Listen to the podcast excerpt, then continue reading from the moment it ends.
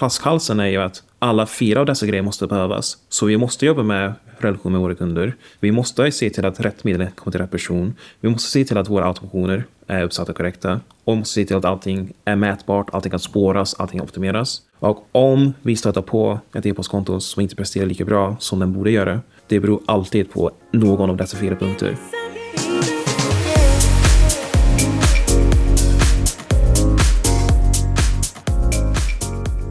Det där var Carl Reynolds och det här är ett nytt avsnitt av Digital marknadsföring med Tony Hammarlund. En podd där jag intervjuar några av Sveriges främsta branschexperter och marknadsförare. E-post är fortfarande en av de viktigaste kanalerna för många företag, detta trots att e-post ständigt spås vara på väg att dö ut. Och det är en kanal jag verkligen gillar, inte minst för nyhetsbrev. Då Google och Yahoo valde att implementera lite nya regler nu i februari 2024 för alla som skickar mycket mail, så tänkte jag att det var ett perfekt tillfälle att prata e-postmarknadsföring. Med mig i det här avsnittet har jag som sagt Carl som är ett riktigt proffs på e-postmarknadsföring. Han driver idag en byrå som helt fokuserar på just e-postmarknadsföring och marketing automation. Och man jobbar med några av Sveriges största e-handlare. Byrån är dessutom e-postplattformen Klavios enda Platinum-partner i Sverige idag. Vi går i avsnittet dels igenom best practice för hur man ska arbeta med e-postmarknadsföring 2024 och hur man säkerställer att man når sina kunders, prenumeranters eller användares inboxar. Carl går dessutom igenom den audit och de punkter han och hans team tittar på när de börjar arbeta med nya kunder och vanliga misstag han ser att många företag och marknadsförare gör. Du får dessutom höra om varför engagemang är så viktigt för e-post, leveransbarhet och faktorer för det, de nya reglerna från Gmail och Yahoo, andra uppdateringar och lagar som har påverkat e-post och viktiga automatiseringar för e-handel.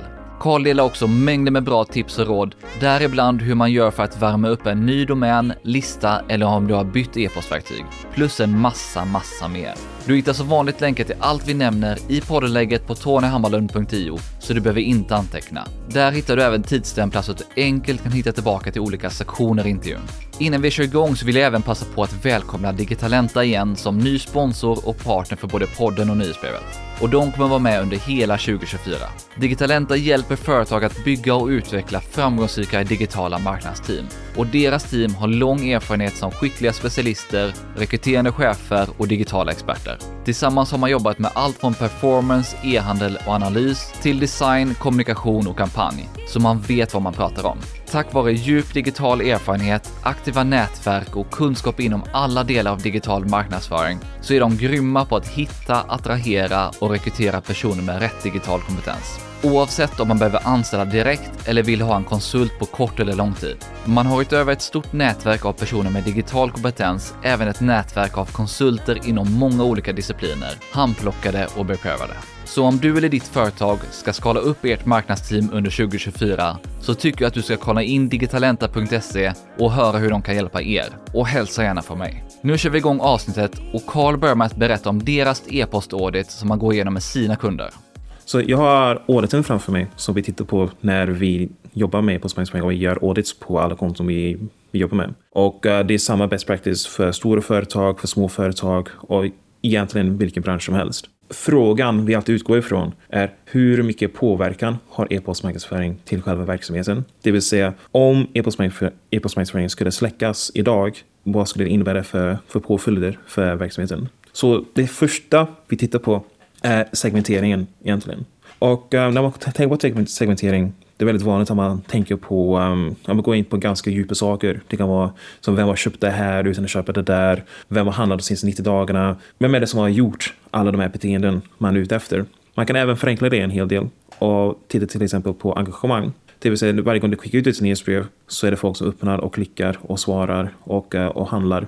Och varje gång du skickar ett nyhetsbrev så är det folk som inte gör det. Och när du skickar ut 5 till 10 så har du ett segment på aktiva kunder och ett segment på inaktiva kunder. Och det är inte alls ovanligt att vi ser att um, kunder, att våra kunder alltså skickar till hela listan utan någon större tank. Eller till och med att de har fokuserat och tänkt på köphistoriken utan att titta på engagemanget hos en kund. Så det finns lite fler faktorer för oss att titta på.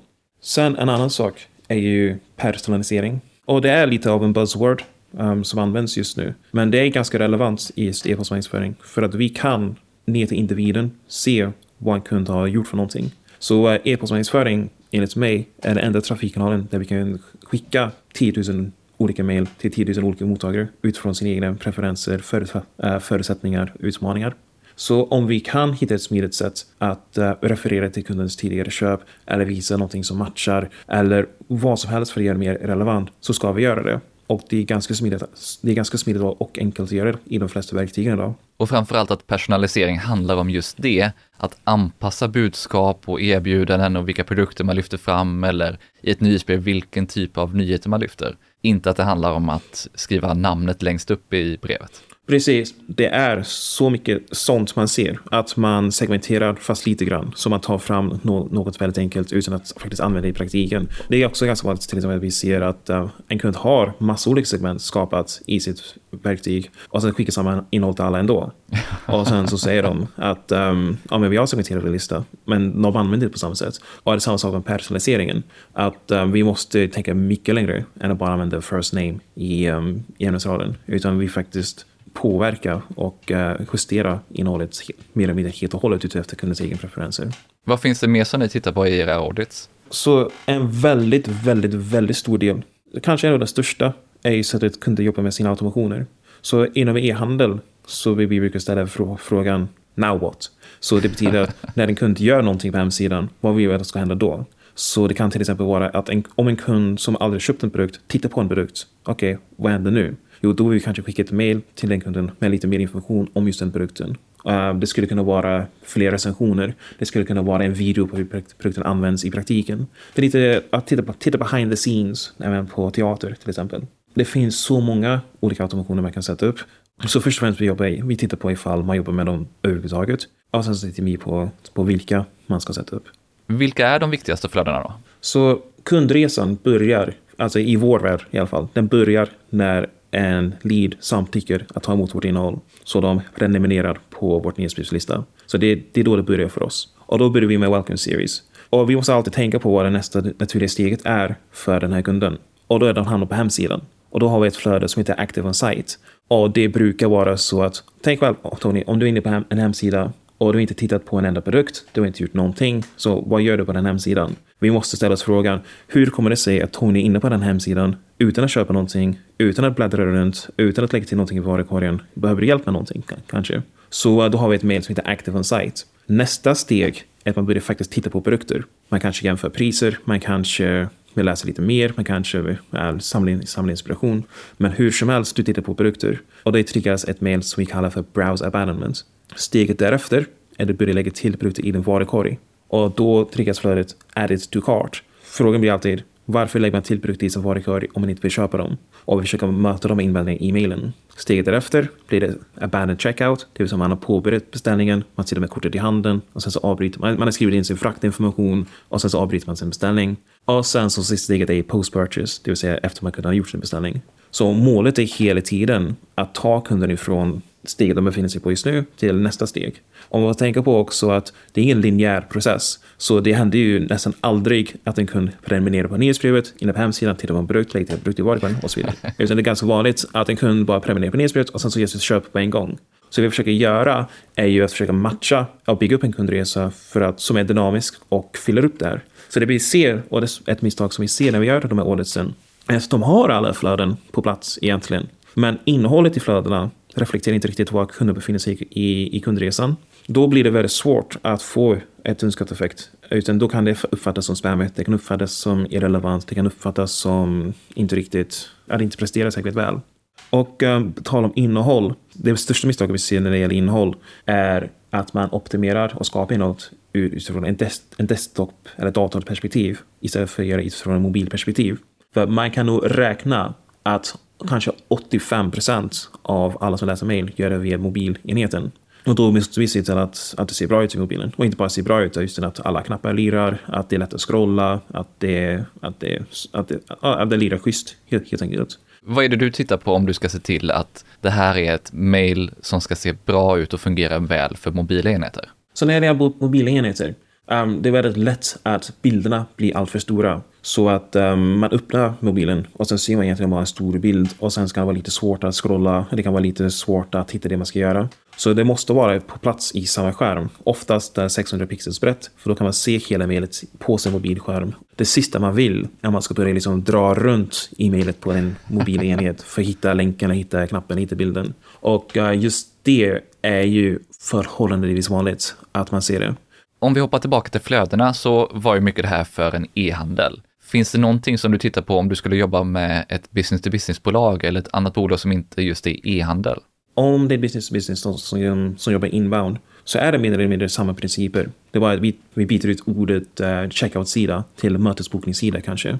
För det här är det samma sak. B2B, här har vi mycket mer data att utgå ifrån oftast. För vi kan faktiskt liksom googla upp ett företag och se vilka problem de har, hur vi kan lösa dem och sen så eh, skräddarsy vårt innehåll. Men det blir samma sak där. Man har sitt säljprocess, sitt säljcykel och i sitt CRM-verktyg så bör man kunna identifiera var just den här personen befinner sig i sitt, i sitt säljcykel. Så i B2B så kan vi faktiskt göra det, så kan vi göra mycket mer. Men det är samma principer som gäller. Det är så kunden eller mottagaren befinner sig i ett ställe i vår köpresa och vi vill kommunicera med den kunden för att ta den till nästa, till nästa steg i köpresan.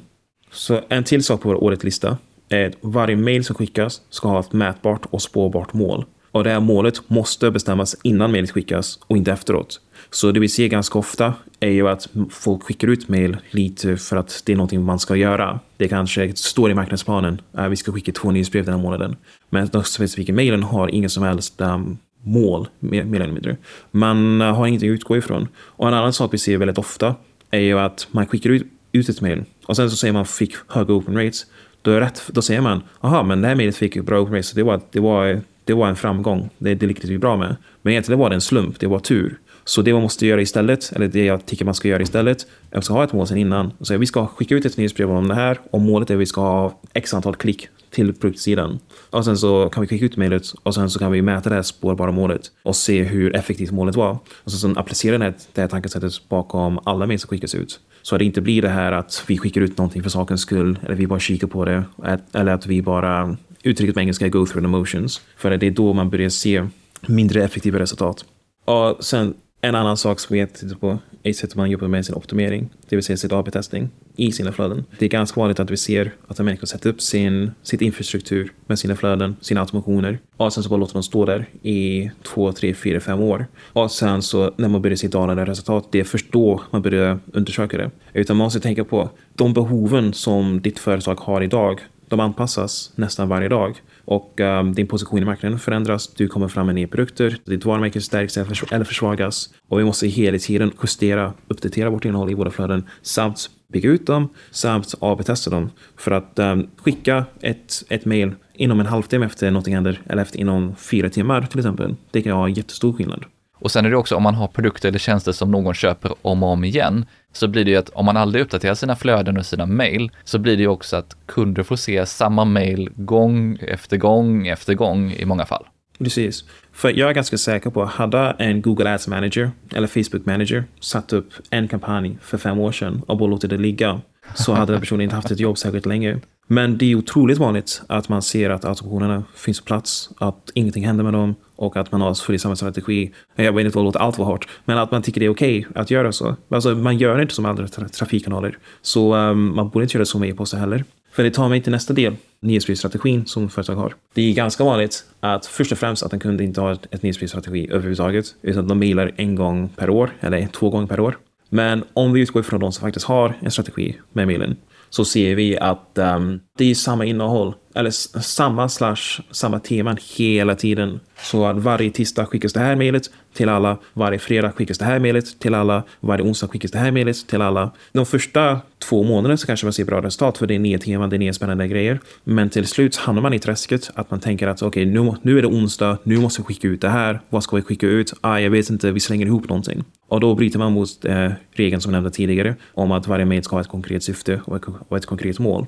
För när man tittar på alltså innehållet i e-mailen och vi tittar på nyhetsbreven, om de skickas regelbundet med varierat innehåll, med bra innehåll, plus automationerna som sedan sköts, utvecklas och, och byggs vidare på, som dessutom sedan AB-testas och optimeras. Då har vi de viktigaste stegen. Alltså flaskhalsen är ju att alla fyra av dessa grejer måste behövas. Så vi måste jobba med relation med våra kunder. Vi måste se till att rätt medel kommer till rätt person. Vi måste se till att våra automationer är uppsatta korrekta. Och måste se till att allting är mätbart, allting kan spåras, allting optimeras. Och om vi stöter på ett e-postkonto som inte presterar lika bra som den borde göra, det beror alltid på någon av dessa fyra punkter.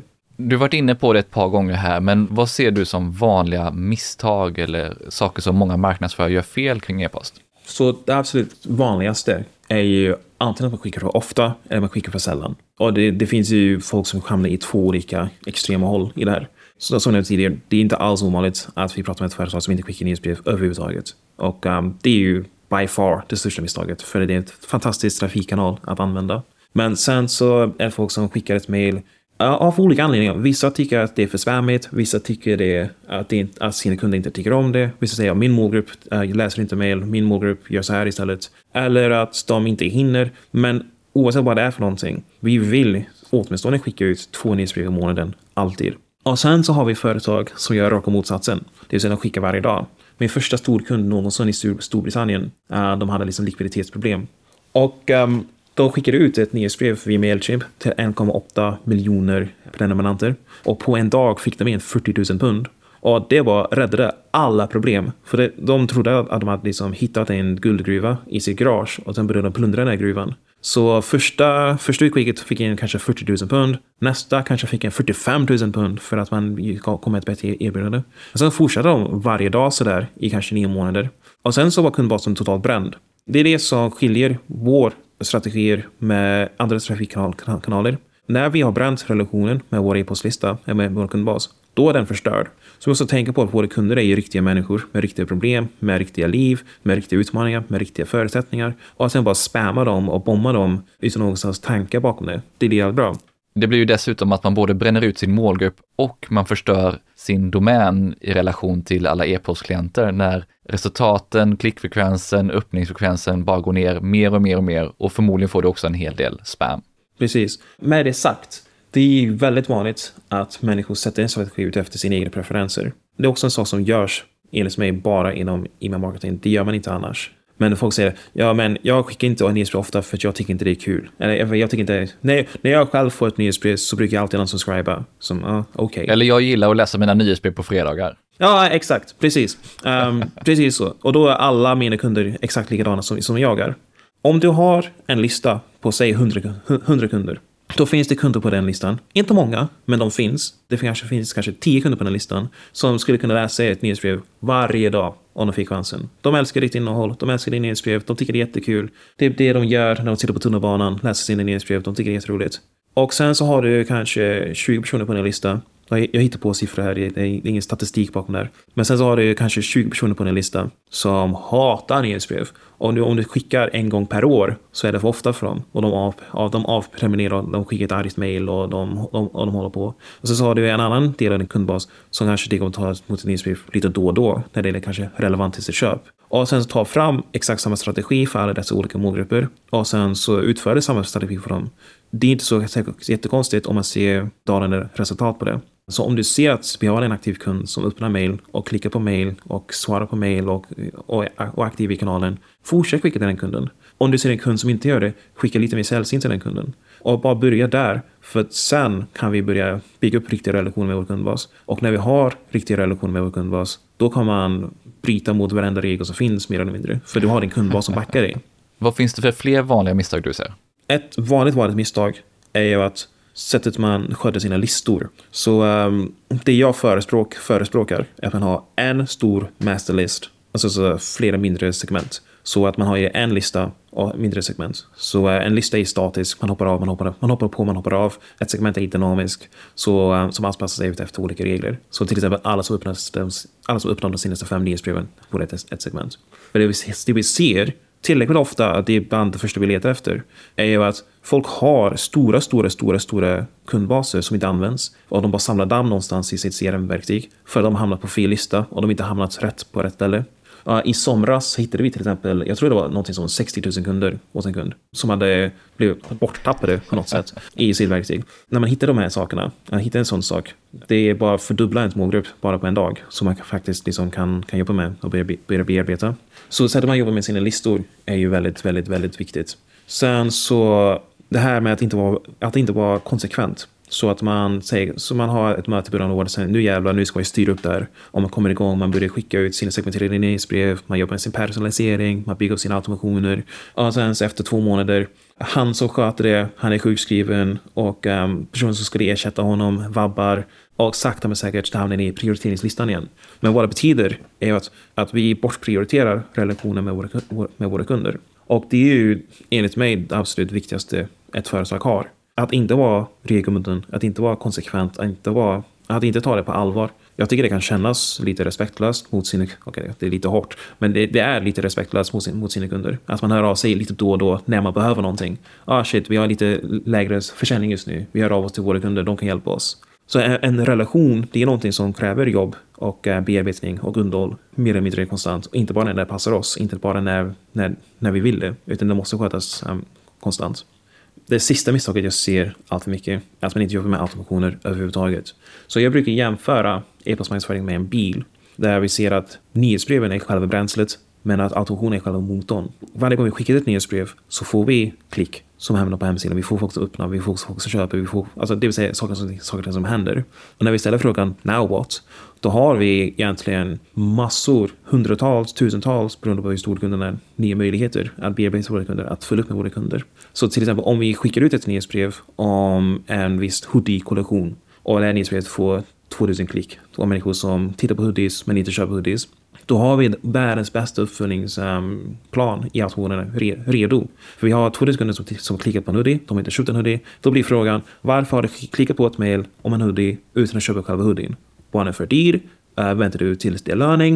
Uh, är du osäker på vad det är för storlek på den? Är du osäker på det här? Och sen kan vi börja bearbeta dessa kunder. Vårt jobb slutar inte när vi får ett klick, utan det är då det börjar egentligen. Så um, ja, det är nog um, det största misstaget vi ser oftast. När man går, går miste om alla Det är som att ta en hink med vatten med ett, hål, med ett stort hål i hinken. Om man kan säga så på svenska. Eller säga så på Leaky bucket säger man på engelska. Ja, men det är väl framförallt också det här med att man har möjligheten att skapa ett flywheel som någonstans blir lättare och lättare för att skapa mer trafik, mer köp, och mer effekt. Precis. Genom att bara putta in den här energin man lägger ner i nyhetsbrev och innehåll så kan man på något sätt driva runt det här bättre och bättre och man kan kanske också köpa in mer trafik för att faktiskt få det här nyhetsbrevet att gå ännu bättre och så fida det tillbaka. Men om man som Precis. du säger inte har automationer och flöden och de sakerna på plats så finns det ju inte någon riktig möjlighet att det blir ett flywheel. Och det påminner ju faktiskt om misstaget och jag lovar det här är det sista nu. Varje gång du skickar ett nyhetsbrev så kommer du få folk som avregistrerar sig. Och um, det är en bra sak. Vi vill att folk som inte vill ta emot vårt innehåll, vi vill att det ska vara enkelt för dem att avregistrera. Men sanningen är att om vi får 100 stycken som avregistrerar sig, då måste vi få 101 som hoppar på listan. För annars blir det bara så att målgruppen krymper och krymper och krymper och um, vi har inte en förnybar resurs. Så när, när den är borta så är den borta. Så um, vi måste jobba, eller man måste jobba aktivt med växellistan. Man kan göra det via pop-ups, man kan göra det via guider på hemsidan, man kan göra det via quiz, man kan göra det via tävlingar, man kan göra det, det finns massor olika sätt att göra det på. Men poängen är att om du snittar på att förlora, säg tusen subscribers i månaden så måste du få åtminstone tusen en som hoppar på listan en gång. Varför inte krympa listan. Och utöver avprenumerationen så har man ju också ett naturligt utflöde av e-postadresser som bouncear av olika anledningar. Allt från att folk slutar använda den här e-postadressen eller att de byter jobb eller annan anledning. Man har både avprenumerationer, bounces och andra saker som sker som gör att man faktiskt måste fylla på listan mer. Precis. Du har varit inne på best practice, vad ni tittar på när ni tar era nya kunder och vad du ser för vanliga misstag. Men för att en kampanj eller ett nyhetsbrev ska komma fram till inboxen så finns det en hel del faktorer som avgör det också. Vad ser du som är de viktigaste för att mejlen faktiskt ska landa i inboxen? Så de viktigaste faktorerna för leveransbarheten är ju engagemang. Eh, det är ju helt klart den största. Så för bara kanske åtta år sedan så fanns det massa guider om man skulle undvika ord som gratis, man skulle undvika ord som eh, spam-ord eller spam-triggervarningar som gratis, buy one get one free, special offer och så vidare. Men nu för tiden, det är engagemang som är, som är valutan. För algoritmerna är så pass avancerade. Allting du gör kan din mailklient, Gmail, Yahoo, AOL, whatever, de kan se eh, vad som händer. Så om du svarar på ett mail ser de det. Om du vidarebefordrar ett mail ser de det. Om du klickar på ett mail så ser de det. Om du markerar som läst ser de det. Om du raderar den utan att öppna den så ser de det. De vill att kunden ska vara på sin plattform och använda plattformen och vara där så länge som möjligt. Så när de ser att ett varumärke skickar ut 10 000 uh, utskick och majoriteten av dessa kunder läser utskicket, de scrollar, de vidarebefordrar, de svarar. Då kommer, då kommer Gmail säga att aha, det här är ju, um, här, de skickar ju bra innehåll. Det här är värdefullt innehåll för våra användare att ta emot, så vi släpper igenom dem. Däremot, om du skulle skicka ett utskick till 10 000 kunder och Gmail ser att ingen öppnar det här, det här mejlet. Alla raderar det på en gång. Alla markerar som läst. Ingen engagerar sig med utskicket. Då kan de se att hold on, det här företaget skickar till sina kunder och ingen bryr sig. Det här är inte värdefullt innehåll och vi tänker inte släppa igenom dem. Så engagemanget, det borde vara den största prioriteringen för att komma in, in, in i inkorgen. Det vill säga, vi vill att folk ska svara, vi vill att folk ska klicka, vi vill att folk ska vidarebefordra, vi vill att folk ska läsa, vi vill att folk ska faktiskt liksom interagera med våra mejl. Ja, för det är ju ett ganska vanligt missförstånd skulle jag säga, just att man tänker att det handlar bara om öppningsfrekvensen och möjligtvis klick. Men att det finns så många fler saker inom engagemang och vad som faktiskt är viktigt och som e-postklienterna tittar på. För om du sköter det här och bygger upp det över en längre period så att Gmail och gänget, alltså mejlkalendrarna ser att du faktiskt varje gång du skickar någonting så, så har du kunder som läser det. Då skulle du kunna ha liksom bara bilder. Du skulle kunna skriva så, i stora caps, uh, free, bla bla bla. Och, och ändå komma in. För de vet ju att när du har någonting att säga så läser dina, läser dina kunder det. Ens leveransbarhet, det är lite som en muskel också. Så det är någonting som måste tränas på hela tiden. Och måste, så det räcker inte att säga att oh, vi kommer in i inkorgen nu, nu kan vi börja liksom, rocka loss och börja skicka um, och börja skicka till inaktiva kunder igen, vi börjar göra de här sakerna. Utan algoritmen är mycket smartare än så. Så det är någonting som måste bevisas hela tiden. Finns det några saker som du rekommenderar för att stärka sitt engagemang och fida algoritmen på något sätt? Absolut. Så vi vill börja med att isolera våra mest aktiva kunder och prenumeranter vanligt utgångsläge är de som har handlat eller prenumererat för 14 dagar sedan. Så med dessa vill vi skicka ett enskilt nyhetsbrev till och sedan, sedan mäta engagemanget och mäta vad som händer. Fick vi bra open rates och bra, och bra engagemang, då vet vi att aha, perfekt, då kan vi um, släppa in fler människor i det segmentet. Så vi kanske kan höja till 30 dagar, till 90 dagar. Om vi fick dåliga open rates, då kan vi strypa segmentet ytterligare. Så kanske 7 dagar, eller i värsta fall har du en dag. Men um, börja med senaste 30 dagarna och sen så kan vi börja förstora eller utöka eller krympa segmentet beroende på, beroende på utfallet. När vi pratar om e-post och nyhetsbrev så måste jag självklart också passa på att tipsa om det nyhetsbrev jag skapar, som idag går ut till över 5100 marknadsförare. Jag startade då jag själv tyckte det var svårt att hålla koll på alla nyheter och trender inom digital marknadsföring. Dels att hitta bra sajter, nyhetsbrev och personer att följa, men också att filtrera vad som är viktigt för mig att hålla koll på och vad det innebär i praktiken. Så jag skapade ett nyhetsbrev där jag och fem av Sveriges ledande experter inom sina respektive områden väljer ut det viktigaste och ger våra analyser om vad det betyder för oss marknadsförare. Så istället för att följa en mängd olika sajter, nyhetsbrev och andra källor så får du det viktigaste kurerat och analyserat så du slipper. Och det är dessutom på svenska. Signar upp gör du enkelt på min webbsida och du hittar även länk i poddenlägget. Och prenumererar du redan så är jag grymt tacksam om du tipsar andra om nyhetsbrevet. Varför gör du det här då? Vi gör det här för vårt mål är att nå så stora, en så stor målgrupp som möjligt och få så hög engagemang medan vi gör det. Så vi vill inte mejla till exempel eh, 100 000 kunder och få 10% open rates. Utan vi kanske vill eh, skriva till 50 000 människor men få 30% open rates. Vi vill alltid ha så stor målgrupp som möjligt och få open rates över 30%. Det är liksom, har vi en open rate över 30% och vi har så stor målgrupp som möjligt, då är vi, då är vi safe, mer, mer eller mindre. Då har vi snackat om engagemang. Vad finns det mer som du ser som viktiga faktorer för att se till att få så bra leveransbarhet som möjligt? Så även fast engagemanget är ju kanske 95 procent och när man har engagemang så kan man klara sig genom det mesta. Att göra saker och ting som att flytta över flytta över mejlet från promotions till primary, att, white, att whitelista det. Mejlet ska ta så kort tid som möjligt att ladda. Så om du har ett jättestort mejl med massa bilder och det tar två minuter att ladda, det är lite som SEO där. Att um, mejlklienterna gillar inte det. Det ska bara gå snabbt att, att, att ladda upp. Med det sagt, när man har engagemanget då kan man komma undan med att ha stora bilder, större bilder. Man kan komma undan med att bryta lite andra regler. Att white labla, att flytta över, att flytta över mejlet från uh, promotions till inkorgen, att aktivt uppmana kunder att svara. Uh, alla, de här, alla de här knepen um, funkar jättebra. Så ett sista tips där är att så fort någonting är nytt så vill vi börja värma upp det. Så det kan vara en ny lista vi hade skickat till tidigare, en ny domän, ett nytt konto, ett nytt e-postverktyg, vad som helst. Bara för att vara säker skull så vill vi värma upp det. Och det vi gör då är att vi skickar till mycket mindre segment än vi hade gjort vanligtvis. Så istället för att skicka det till alla så kanske vi skickar till bara 10 procent av segmentet och sedan mäta vad som händer. Mäta vad som händer. Om vi får bra respons så skickar vi till 20 procent. Om vi får bra respons därefter skickar vi till 30 och sen så börjar vi rampa upp det sakta men säkert. Det vi inte vill göra är att importera hela vår kundlista till, en ny, till ett nytt verktyg från en ny domän till en ny mailadress eller vad som helst och sen så mejlar alla på en och samma gång. För då blir det en uppförsbacke med att bygga upp ehm, um, leveransbarheten uh, eh, på nytt. Men förstås, ingenting av det här spelar någon som helst betydelse om, om du inte har löst dina, eh, alltså din tekn det tekniska. Det vill säga, du måste ha ditt SPF, uh, eh, ditt SPF records, du måste ha ditt EKIM, din DMARC. Så uh, om du inte har det, du kommer inte, komma, du kommer inte kunna mejla någon överhuvudtaget dem. Men uh, alla stora mejlverktyg som Clavio, Rule, HubSpot, ActiveCampaign, Mailchimp, vad det nu kan vara. Um, de låter dig att, um, alltså de hjälper dig med det, med det Ja, för det är ju deras intresse att dina mejl kommer fram, så att om de inte hjälper till med tekniken så kommer mejlen ändå studsa. Så det, det blir inte bra för dem heller. Precis, precis så. Och då kommer vi in på det här med tekniken, för nu händer ju någonting när vi sitter här den 30 januari. Om två dagar så börjar ju de nya Gmail och Yahoo-reglerna gälla. Och där är det en del saker som, bland annat kring tekniken, som nu förändras. Vad är det som händer där och vad innebär det? Så det som händer är ju att företag nu måste uppdatera sina SPF records och sina DKIM och sina DMARCs. Tidigare kunde man komma undan med det. Tidigare kunde man förlita sig på sitt mailverktyg. Men nu måste du själv göra det. Som tur är så är det väldigt enkelt. Nio gånger tio så måste man kopiera in en kod från, från sitt mailverktyg och sen klistra in det i dina DNS records. Och det är klart på 90 sekunder.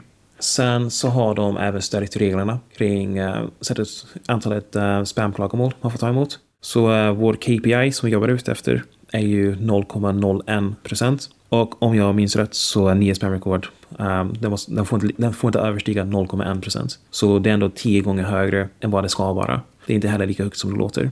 Och sen så är kraven one click subscribe. Men uh, jag tror inte att du som lyssnar behöver oroa dig för det. Utan, alltså, det här är mailverktygets problem. Så om du skickar via Mailchimp eller HubSpot eller Rule eller så helst, alltså, det är oftast de som kommer behöva alltså, hjälpa dig med, det här, med den här lösningen. Om inte du sitter själv och mejlar 5000 mejl om dagen. Vilket är, man ska Ovanligt. inte göra det ändå.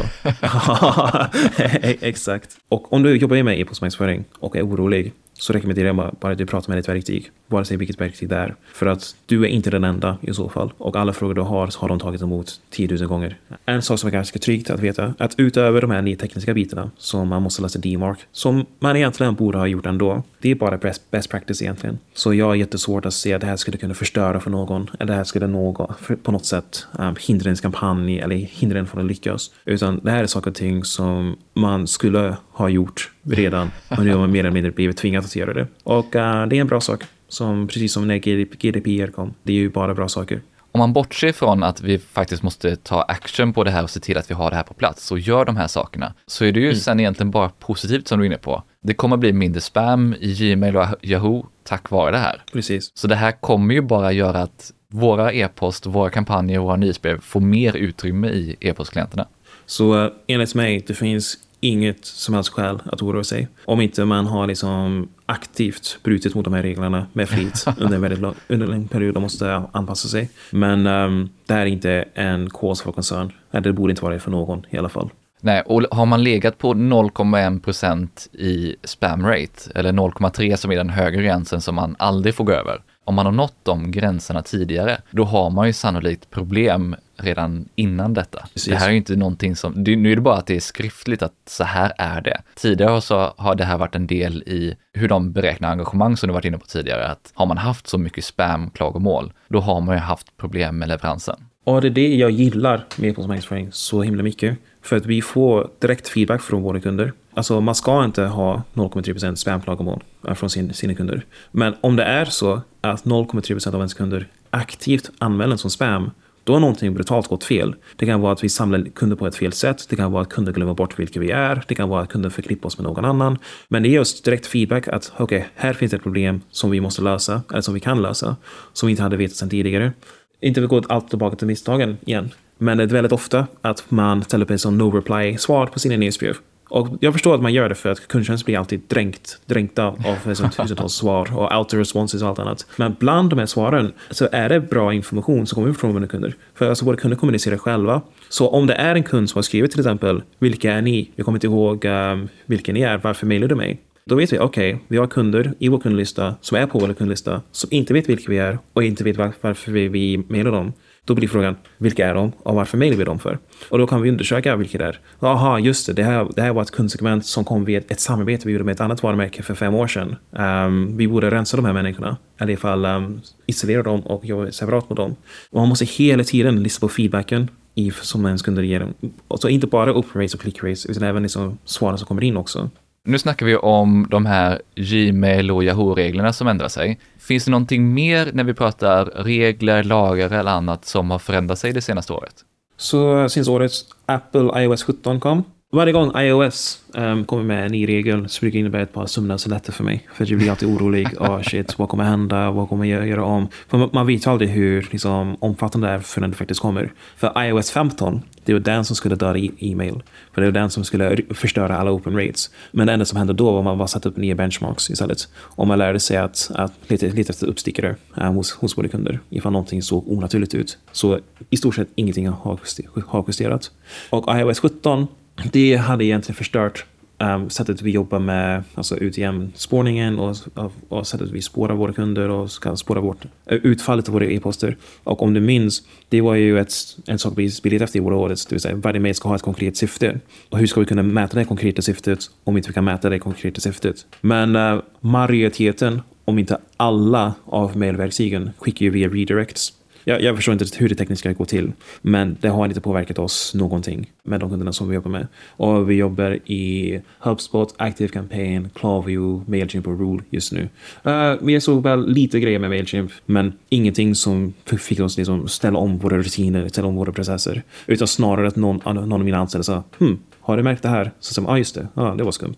Så det är inte heller någon, något skäl att oroa sig för egentligen. Och precis som allting med de här, de här nya lagarna och reglerna som kommer. Alltså om du är en person som gömmer kod på den hemsida för att spåra dina kunder, alltså utan deras tillåtelse, vad de gör på sin telefon och allt annat, som, alltså att spionera på dina kunder. Ja, det kanske har, har drabbat dig, men liksom, man ska inte göra så ändå. Så, så, liksom, så, de som sköter sig och de som jobbar med på ett långsiktigt och hållbart sätt, vi har inte märkt någon skillnad på det i alla fall. Och jag vore väldigt förvånad om ett företag lyssnar på det här och sen hör av sig till mig och sa ja men iOS 17 det förstörde hela vår mail setup, vi har fått göra om allting. Um, jag hade varit väldigt förvånad om, om det var fallet. Och sen så kan vi inte glömma bort GDPR också. Det är kul grej. GDPR kom, trädde i kraft. Jag tror det var liksom två veckor efter jag satt som frilansare innan jag gick på marknadsföring. Och jag tänkte genast då att um, jag hade valt fel bransch. Just my luck. Precis när jag började satsa på det här så kommer det här. Men när man läser inom kraven, det är ju här igen, det är som best practice. Liksom, man ska inte lagra din kunds,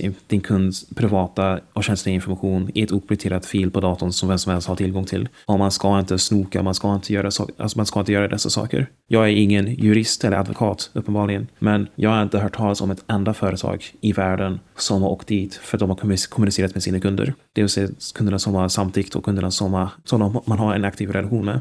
Jag har hört talas om jättemånga företag som åkte hit för de, de har kommunicerat med sina kunder trots att sina kunder har sagt att jag inte vill kommunicera med dig. Men det är inte samma sak för det ska man inte göra ändå. Alltså det, det är olagligt i vilket fall, vare sig det är GDPR eller inte.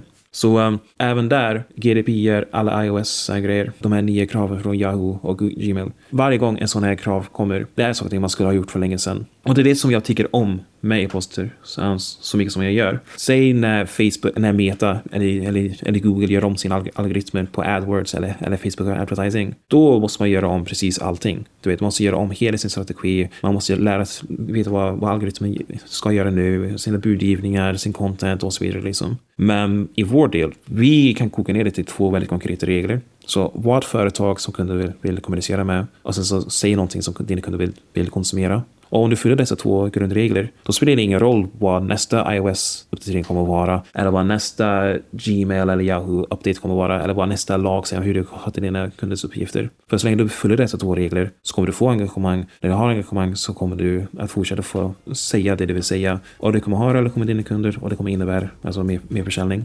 Så fokusera på det och inte på att försöka kringgå äh, lagar eller, eller regler eller vad det nu kan vara. Stort tack för att du har lyssnat. Och jag hoppas att du fick med dig en massa nya tankar, idéer och insikter från mitt snack med Karl. Är det här första gången du lyssnar så hoppas jag att du gillar avsnittet och att du klickar på prenumerera i din poddapp.